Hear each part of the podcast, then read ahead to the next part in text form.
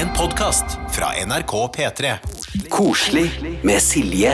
På P3. Tusen takk for at du har lasta ned denne podkasten. Det er Silje og Jakob her som oppsummerer uka med fokus på bare fine ting som har skjedd. Og vi har snakka med, altså, som du får høre i dagens podkast, masse unge, eller tre unge folk, da. Rett skal være rett. Rett skal være rett. Tre unge folk som på hver sitt vis har eh, fått til ting. Fått til fine ting. eh, og virker godt for drømmen sin. Og bare tenkt sånn Det her kan være uh, urealistisk, eller whatever, men jeg bare går for det. Ja, de er på hver sin måte en sånn megainspirasjon til meg og til det og til du som hører på, om at eh, det er mulig å få til ting, selv om det virker litt vanskeligere akkurat nå.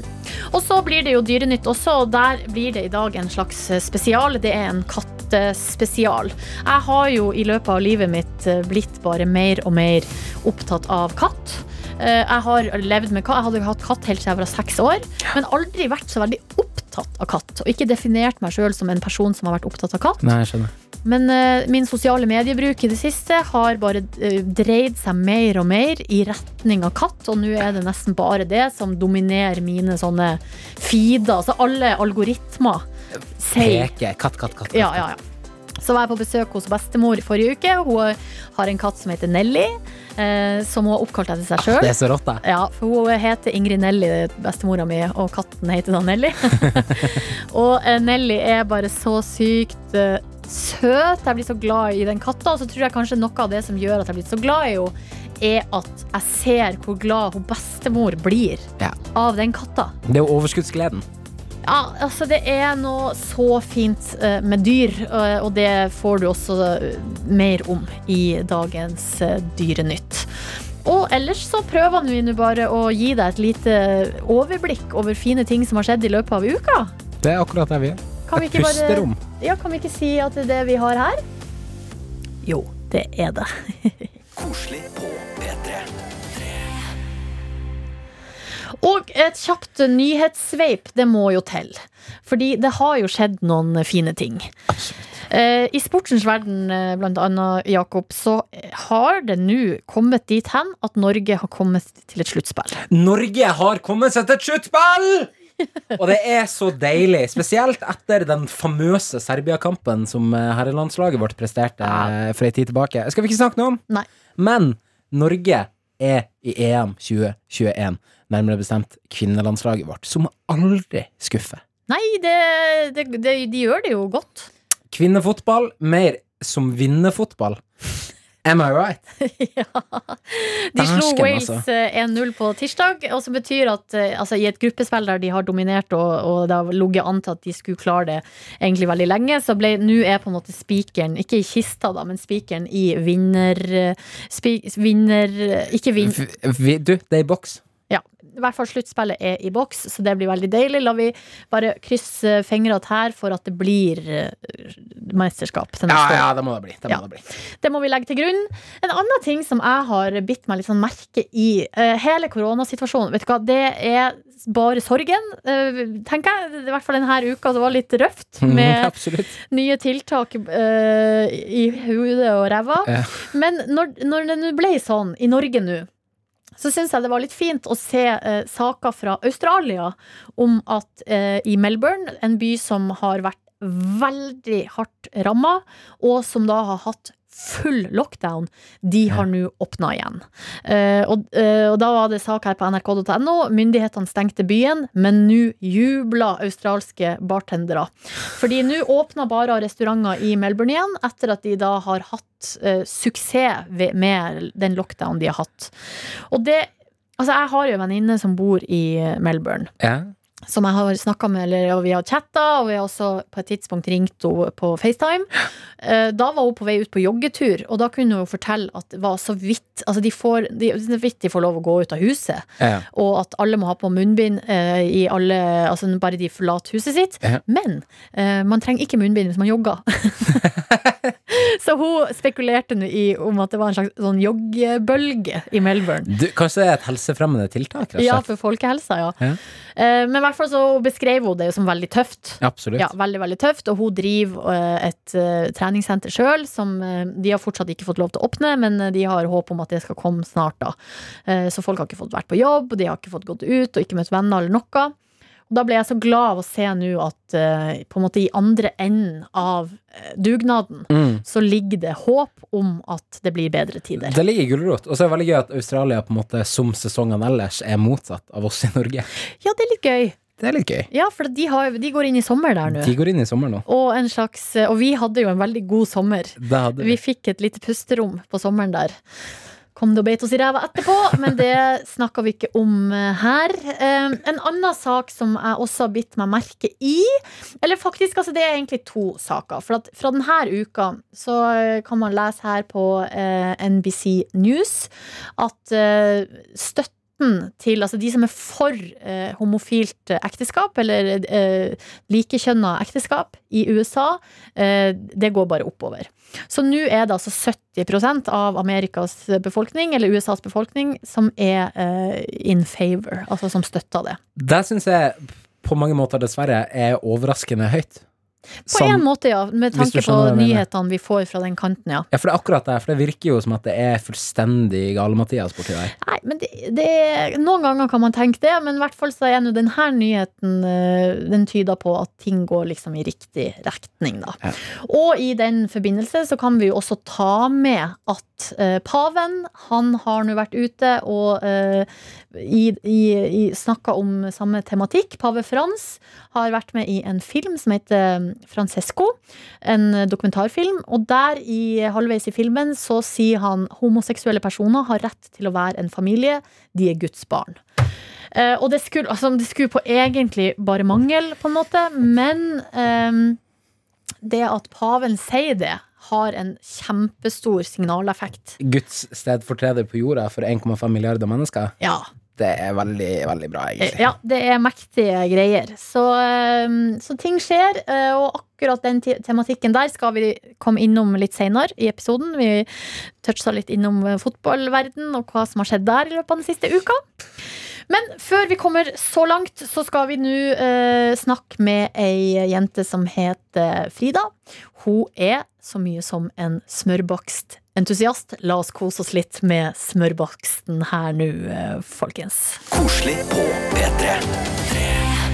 Og nå har vi fått en gjest inn i studio. Frida Anker Kulmus, velkommen til oss. Takk. Du er en smørbakstentusiast. Ja, absolutt. Og det vi eh, leste om deg på eh, godt.no, og da stoppa vi opp med en gang og bare Hei! ja! Eh, croissanter og sånt er jo noe av det diggeste som finnes. Eh, men før vi går dit, så siden vi driver og oppsummerer uka her, så må vi jo spørre deg hvordan uka di har vært. Det har vært bra. Ja? Ja. Eh, er i permisjon, mammapermisjon, så jeg har vært mye hjemme med datteren min. Og så er jeg på jobb eh, en av dagene. Det har vært deilig. Ja. Alltid veldig gøy å få litt uh, fri fra, fra stuen. Ja. og så har det vært, vært eh, fin tur i marka, og ja. Egentlig benyttet været som har vært eh, litt ålreit uh, denne uken. Det er godt og godt å høre. Mm.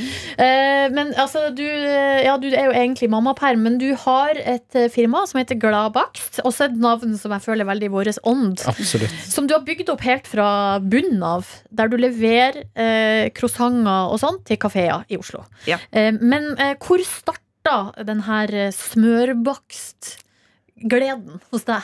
Det, det begynte faktisk med at en kollega av meg eh, spurte om jeg ikke kunne prøve meg på croissanter, fordi jeg allerede bakte en del kaker til kaffebaren. Eh, og så begynte jeg med det, da. Eh, og når jeg først begynner med noe, så blir jeg litt hypa på det. så da måtte jeg liksom naile det til slutt, da. Eh, så det var mange timer på kjøkkenet hjemme eh, hvor jeg sto og bakte og bakte med alle mulige ulike eh, oppskrifter og ingredienser og det ene og det andre. Og til slutt så kom jeg opp med en oppskrift som jeg er veldig fornøyd med. Eh, og så bestemte jeg meg for å ta det videre til å starte for meg selv. Men eh, smørbakt, altså da det, Jeg vet om croissanter. Hvilke Mm. andre typer er det? Du har jo croissanter og per sjokolade, eksempel. Eh, og mm, rosinsnurrer, eh, som man kanskje er vant med. Eh, og så har du jo alle disse ulike fasongene og former, som liksom litt wienerbrød og danish og ja, egentlig mye av det som lages på butterdeig, da. Ja, for jeg har prøvd meg på eh, croissanter hjemme, og ja. det må jeg si, det var ingen suksess. Det var vanskelig. Jeg føler det er kanskje Ja. det vanskeligste man kan bake på et hjemmekjøkken. Er det Ja, det tror jeg kanskje kan være inne på noe der, altså. Ja. For det krever jo litt plass. Det krever eh, temperatur. Eh, du må ha riktig temperatur på deig og smør. Eh, for hvis ikke så blir det ikke riktig lag i deigen. Eh, og det tar tid. Mm. Det gjør det. Men har du sånn maskin? Eh, på jobb så har jeg en stor kjevlemaskin. Ja. Mm. Men da du holdt på hjemme og utvikla oppskrift og sånn, Mm. hvordan gjorde du det da? Nei, du, da sto jeg med en, en marmorkjevle på benken hjemme.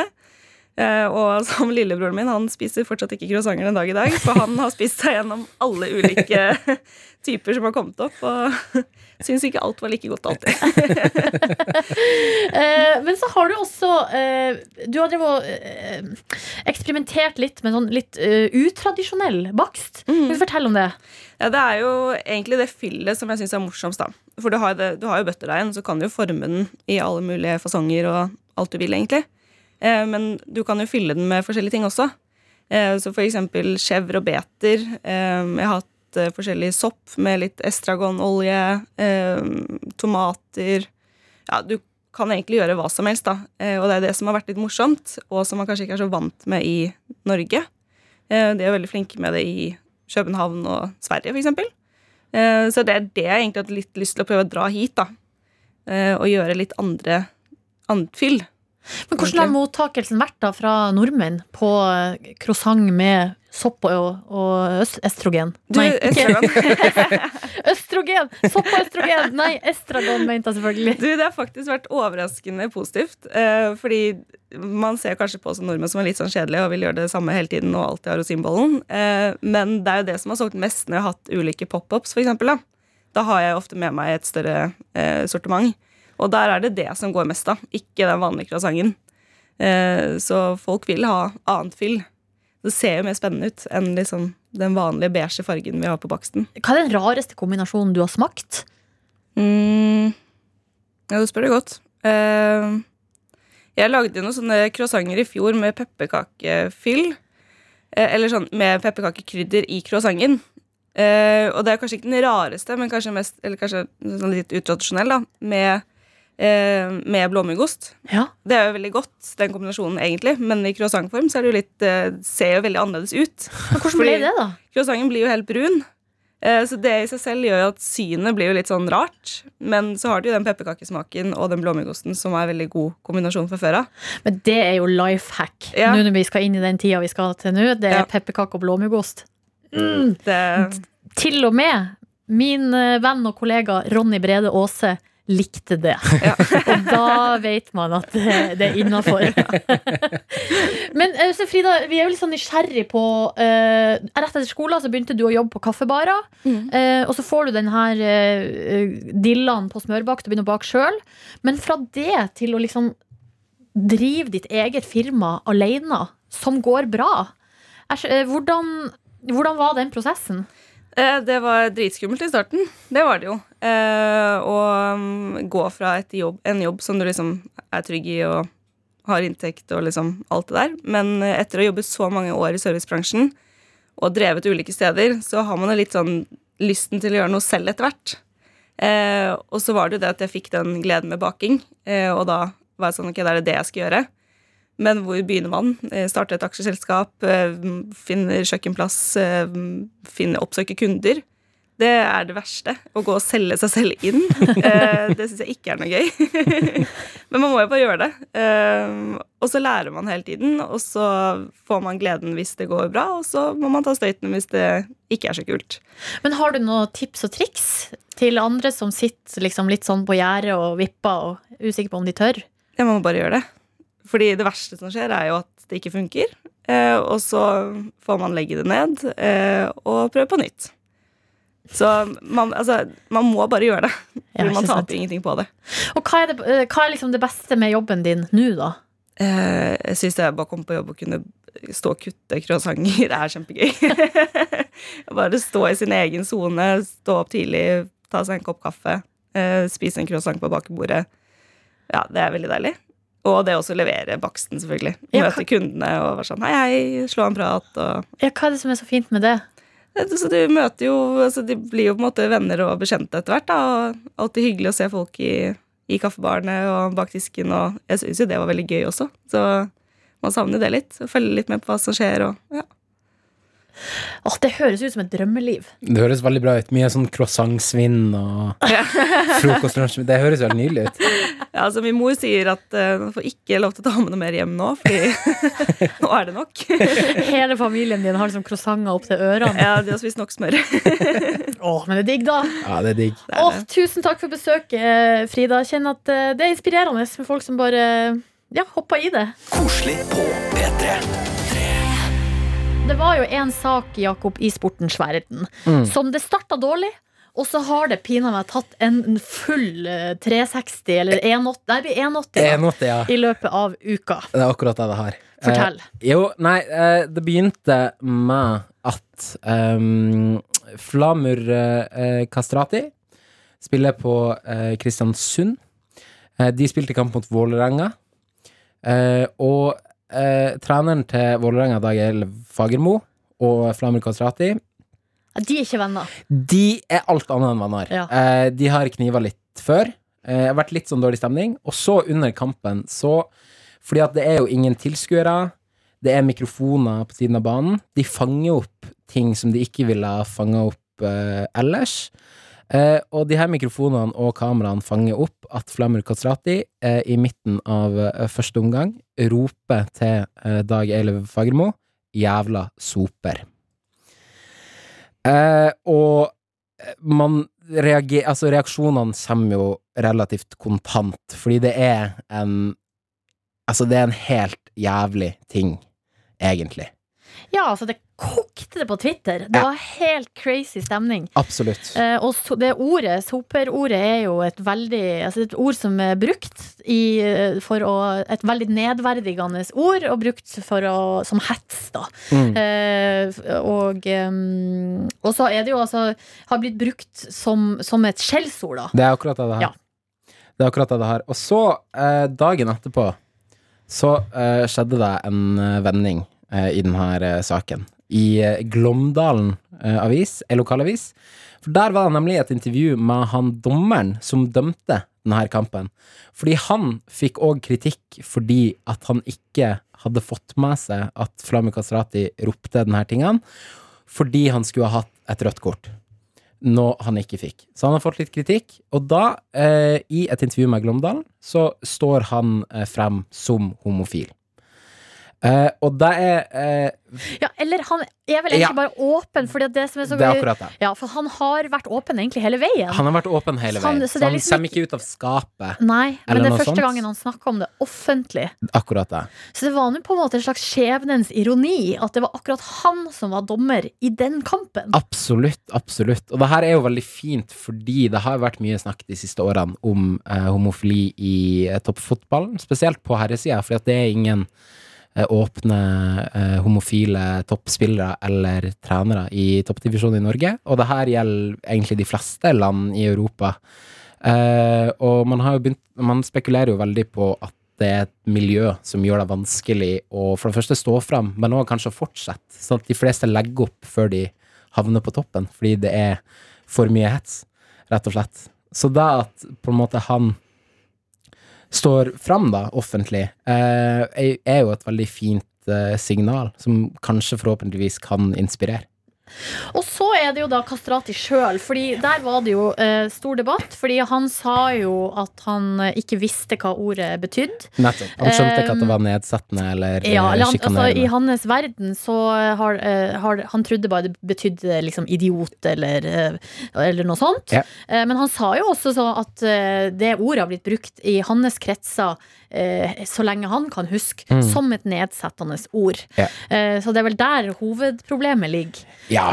Men så syns jeg også, for der var det jo, har det vært masse diskusjon om man tror på det Ja. eller ikke. Og det kan man jo ikke vite. Eh, vi er jo ikke inne i hodet hans.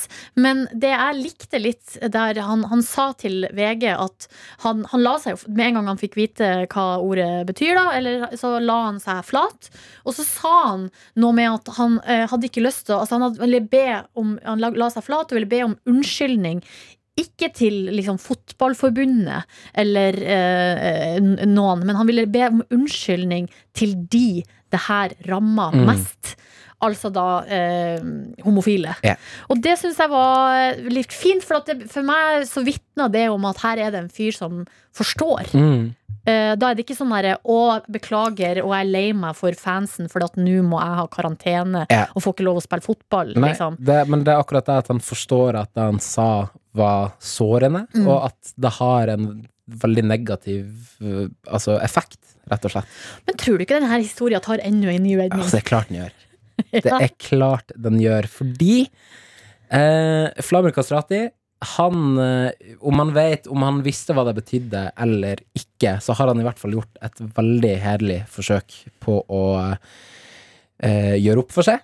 Fordi eh, han ble for et par eh, dager siden, eh, et, et par dager etter at kampen ble spilt denne uka, så eh, ble han spurt av eh, Salam Norge, som er en eh, organisasjon som kjemper for eh, skeive homofile eh, Nei, eh, skeive muslimer eh, sine rettigheter. Ble spurt av de om han ville være ambassadør, og da takka han ja til tvert. Altså, det, er, det er veldig fint. Det er veldig fint. Ja. Det er en utrolig fin uh, Fin Ikke avslutning, men en fin sånn uh, foreløpig konklusjon på noe som i begynnelsen av uka virka som en bare nitrist og forferdelig sak. Det viser jo veldig tydelig at når man gjør feil, så kan man, hvis man skjønner uh, hva man har gjort, Mm. så kan man veldig fint, uh, ja, som du sier, gjøre opp for seg. Mm. Så eh, liten historie til inspirasjon for, all, for oss alle eh, fikk vi der. Tusen takk, Jakob. Og takk eh, til eh, alle som har eh, ja, som snakka opp for eh, at andre skal få det bedre. Koselig på P3. I studio så sitter eh, Silje Nordnes, det er meg, og så har vi Jakob Vetle Midjo Naustdal. Ja! Det er meg! Jeg klarte det, Veldig bra. endelig. Du har så langt navn, men du har ikke noe lenger enn meg. Silje Therese Reit Nordnes heter jo jeg, eh, egentlig. Det er sånn at vi, eh, Jakob, i løpet av hele uka så sitter vi og tråler lokalavisene på jakt etter eh, gode og fine saker og historier. Og i den forbindelse så kom altså du over en sak i Fredrikstad Blad om en som heter Dennis Marve. Og, der, og han, han, han kalte på vår oppmerksomhet. Ja, Med en gang jeg så eh, bildet, bildet som fulgte med denne artikkelen, så tenkte jeg her er vi nødt til å ringe og høre hva som skjer.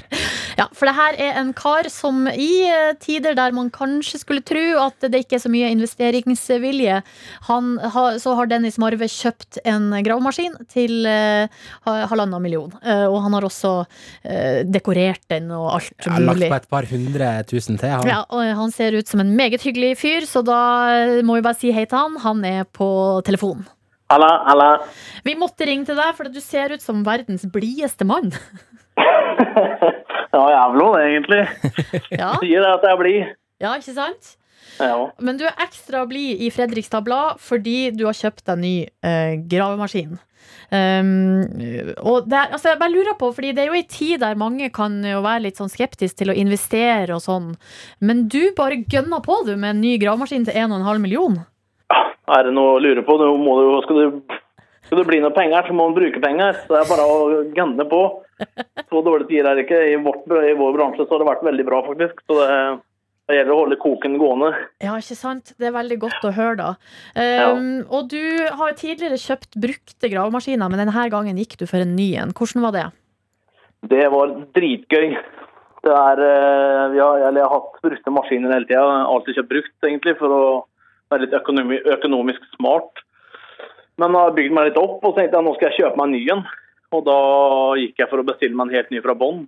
Det er en drøm som har gått i oppfyllelse. Som har vært en drøm i mange år. Jeg har bare et kjapt spørsmål, fordi nye biler har jo sånn ny billukt. Har gravemaskiner en ny gravemaskinlukt? Det skal jeg love deg. Hvordan er den? Det er som å gå inn i en ny bil til bilbutikken, sette deg inn der, ta et ordentlig mamadrag og puste letta ut og bare kjenne på den kriblinga som du får når du sitter i, i, et, i noe som er nytt. Men du sier at du har, liksom, du har eh, bestilt den her sånn helt fra bunnen av, da, at du kan ha bygd opp din egen gravemaskin. Hva er det man går for da? Det spørs litt hva du ønsker. kan jeg si. Men klart, det er ikke så veldig mye som er spesielt den her. Det er jo en gravemaskin med samme funksjoner som alle andre. Så er det noe sånn ekstra utstyr. En sånn eh, liten klype bakpå der som du kan bruke til å sånn, plukke forskjellige ting. Og så er det mye lamper og lys. Lakkering. Egen, valgt egen farge. Lakkert med klarlakk. Den er blank som rakkeren. Og Fleksnes på sida og Marve på døra. Og nei, den er helt Ja, for vi må, vi må stoppe opp litt der, fordi at du har fått altså da det er bilde av Fleksnes på gravemaskinen din, og så står det også Marve. Hva er greia med, med Fleksnes eh, Hva heter det? Forkjærligheten? Marve Fleksnes det er jo en karakter som aldri noen i verden kommer til å kunne eh, ta over. Altså det, den, den eh, rollen den står dødt. Den er helt rå. Den er sett på og hørt og sett opp det i all min tid. Ja. Og Marve Fleksnes er bare kongen av, av humor. Og så har du Du heter jo Dennis Marve. Eh, Er det tilfeldig, eller? Det er eh, ikke tilfeldig. Nei. Når to, altså, du har tatt det navnet, eller? Det har jeg tatt. Når da? endra. Det gjorde jeg vel i 2015 eller sånt. Så tenkte jeg jeg hadde et mellomnavn som var lite brukt, og som ingen visste hvem var det, eller ingen forbandt eller forbundet meg med det navnet. Mm. Og da tenkte jeg nei, Marve, det skal inn. Nei, det er nydelig. Eh, Dennis Marve, det var veldig hyggelig å prate med deg. Godt å høre at det går bra i eh, bygge- og gravbransjen. Og, så, eh, og at folk bare gønner på hvis eh, man har muligheten. Klin på. Yes. Da må du ha en nydelig kveld eh, videre. Tusen hjertelig. Ha det bra! Ha det. Ha det. Det Koselig på P3.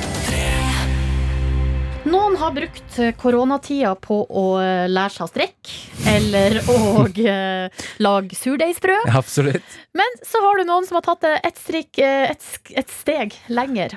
For eksempel Sara, som er altså 23 år. Hun har bygd seg hus. Hei eh, og god ettermiddag, Sara. God ettermiddag. Hvor er du henne akkurat nå? Akkurat nå så er jeg i minihuset mitt på Kjørnes camping i Sogndal. Ja, for du er i ditt eget minihus. Hvor kom ideen til å bygge ditt eget hus fra? Nei, altså den kom fra YouTube. Eh, For det er jo en veldig stor trend i USA og Australia. Og så så det bare så utrolig fint ut. Og så tenkte jeg at en dag skal jeg bygge et minihus. Ja, men det, Vi er mange som har tenkt det, Sara. Jeg har tenkt det sjøl, skal jeg være helt ærlig. Men det er liksom Ja. et stykke fra det til å faktisk gjøre det. Ja, altså jeg studerer jo, så planen var jo å realisere drømmen etter jeg var ferdig med studiene. Men så kom jo korona, da. Mm. Og da dro jeg hjem, og da hadde jeg plutselig veldig mye tid og ja, tid til overs. Og da sa pappa at Sara, nå gjør vi det. Nå bygger vi et minihus. Hvor begynner man når man skal bygge et minihus nå til dags? Nei, altså minihuset mitt det står jo på hjul. Så først så måtte vi jo finne en henger. Da, da var det bare å se på Finn da, og se etter bilhengere som, var, eh, som hadde bra mål. da. Det tok litt tid å finne en perfekt henger, Mm. men eh, vi fant det til slutt. Men da er det, finnes, finnes det en oppskrift på minihus? Hvordan, eh, hvordan finner man ut det? Hvordan skal man bygge et minihus, liksom? Ja, altså det er veldig mange måter å gjøre det på. Eh, og faren min, han er jo snekker. Score. Det er et bra sted å begynne på. Ja, byggekompetansen, det er det han som har. Men hvor mye gjorde du egentlig? Nei, altså jeg eh, prøvde å gjøre så mye jeg kunne. Eh, så jeg har både høvla materialer og eh, skrudd mange skruer og hamra mange spikere. Ja. Så jeg har på en måte vært pappa sin lille hjelper, da.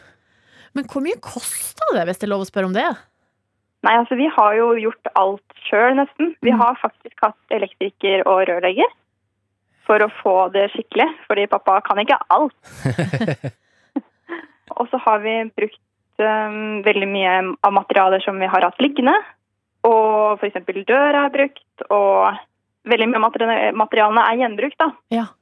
Så det har kommet på et par hundre tusen. Ja. Og det er med hengeren, da. At det er en voldsom snarvei inn i boligmarkedet, altså. Ja. Det er det absolutt. Men nå har du bodd i eh, minihuset ditt eh, halvannen måned. Hvordan har det gått? Det har gått veldig fint. Men det er jo på en måte en eh, annen måte å leve på, da. Ja. Så det har vært veldig deilig. Og ja, litt Ikke krevende, men jeg, nå bor jeg jo på en campingplass som gjør at jeg kan på en måte ikke utnytte huset til det fulle. Nei. Fordi f.eks. alt vann jeg bruker, må jeg samle opp i dunker som jeg må tømme i do.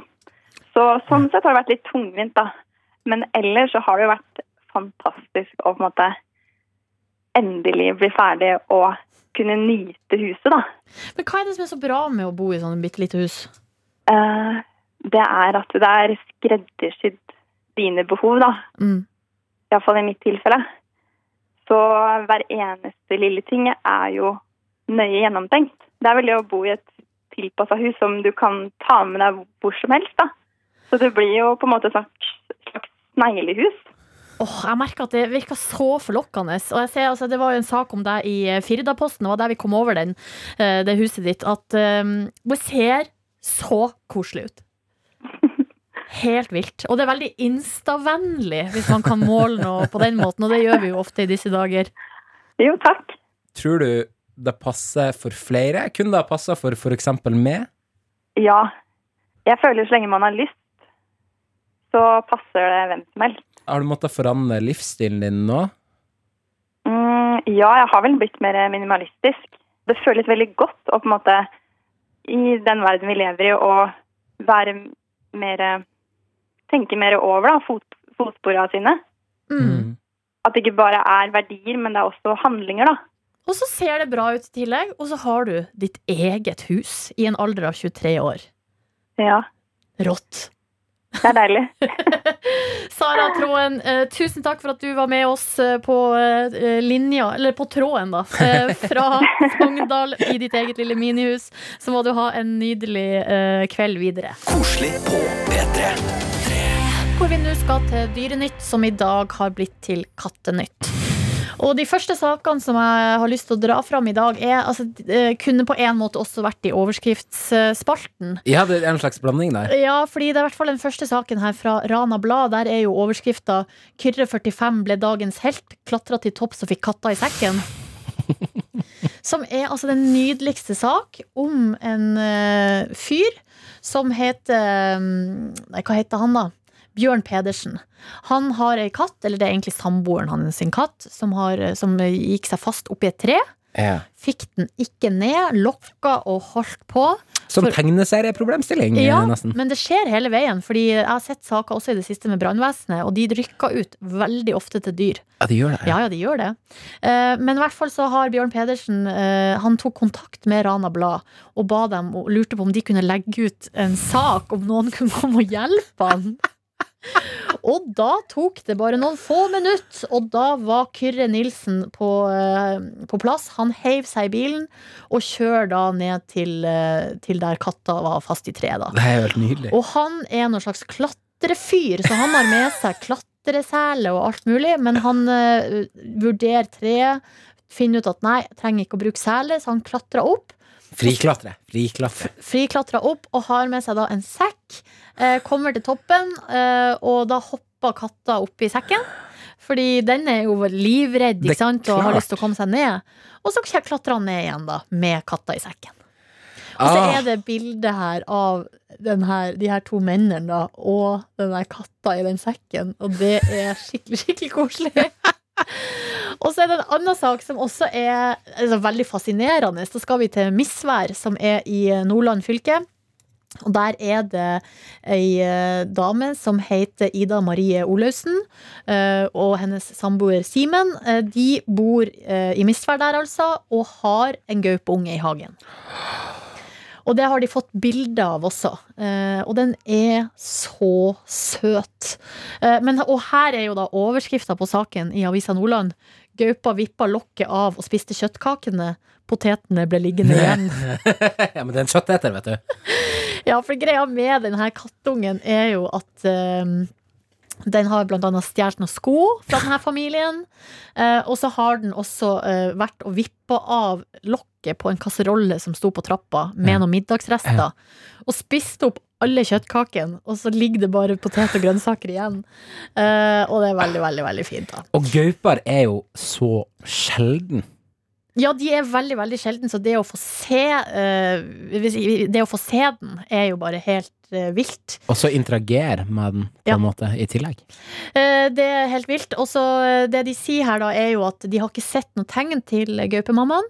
Eh, Og det er jo egentlig ikke noe godt tegn, da. Nei. Eh, Fordi at det her er en Den er såpass liten, den her, at den burde være sammen med mammaen sin.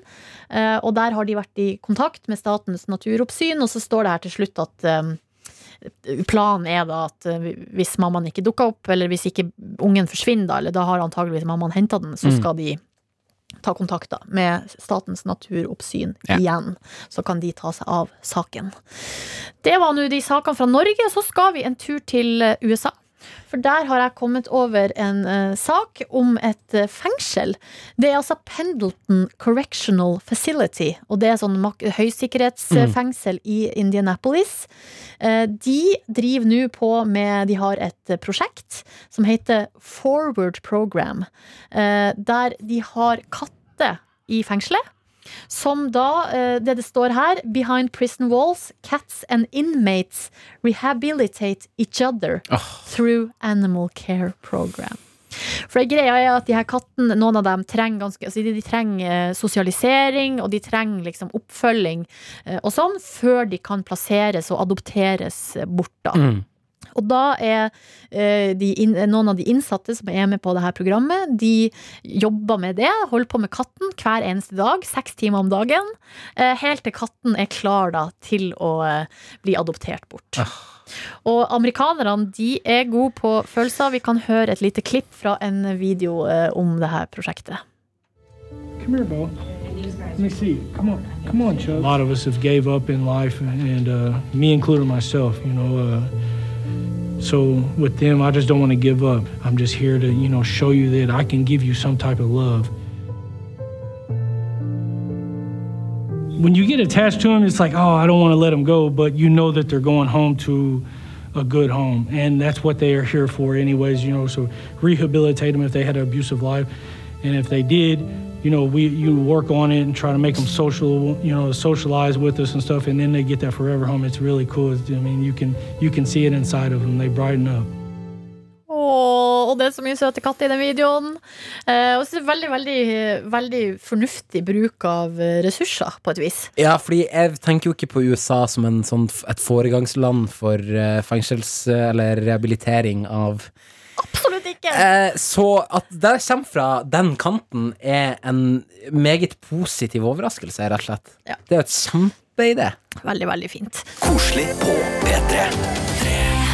Vi bruker å ringe en lokalavis hver eneste søndag for å spørre eh, hva fint de har skrevet om i løpet av uka, fordi vi mener at lokalavisene de er de som er best på positive nyheter. Det er det de kan, det er det de eh, driver med, rett og slett. Yes, Og i dag har turen kommet til eh, Brønnøysunds avis, og vi har redaktør Matti Riesto med oss på tråden. God ettermiddag. God ettermiddag. Hvordan står det til? Du, her går det bare godt. Vi har et herlig, kaldt og klart, fint høstvær. Det er en fin dag. Får jeg får så hjemlengsel når jeg bare hører det. De kalde, fine, klare høstdagene på Helgeland. Det er ingenting som er vakrere enn det. Det er helt topp. Helt topp. Men uh, Matti, vi må til sakens kjerne. De positive nyhetene, og hva fint har dere skrevet om denne uka? Du, jeg har lyst til å trekke fram at en, en lokal bonde Ja. Det var en som driver gård her, som, som fikk eh, bedriftsutviklingsprisen i landbruket i Nordland. Ok? Og det, ja, det var litt tøft. Det, vi er jo egentlig ikke vant til å tenke på denne karen, han, han Per Kåre Hatten, som, som bonde. Han er jo en campingplassdriver som driver campingplassen rett, rett under det kjente fjellet vårt, Tårnkatten. Ja. Men så har han begynt å dyrke? Han gjør alt. Han har alltid nye planer på gang. Alltid noe nytt hvert år. Men vi lurte jo litt på om det hadde rabla for han i 2012 når han skulle bygge opp en sånn, der, liksom, en sånn gourmetrestaurant på en campingplass. Ja. Men så så, nei, så gjorde han det, og så har det jo gått bra. Det, det er utrolig fint der ute. Altså, da sitter du rett attmed med, stranden og vannet og spiser topp tilberedt eh, åtteretters fra mat som er laga eller henta rett utfor vinduet der. Men når er det han har begynt å dyrke, da, på, på, pla på plassen der? Han bor jo på en gård, så du kan si at det, gradvis har det vokst fram en campingplass på en gård. Men så fikk vi sånn et spesielt år i år der, der man i, i mars så trodde vi at ingen turister skulle komme, for alle utlendinger avlyste jo. Og Mm. da gjorde han, hva gjør han da med gressplenen sin på campingplassen? Jo, han begynner å dyrke den, så han, begynte, han la om til landbruk igjen. Men så fikk vi jo norgesferiesommeren, så liksom halve Norge har jo vært her i sommer. Det ble jo masse folk. Ja. Så det, det ble full rulle på alle kanaler for han med, med landbruk og restaurant og campinggjester fra hele Norge. Så det, vi fikk en sånn herlig aktiv sommer.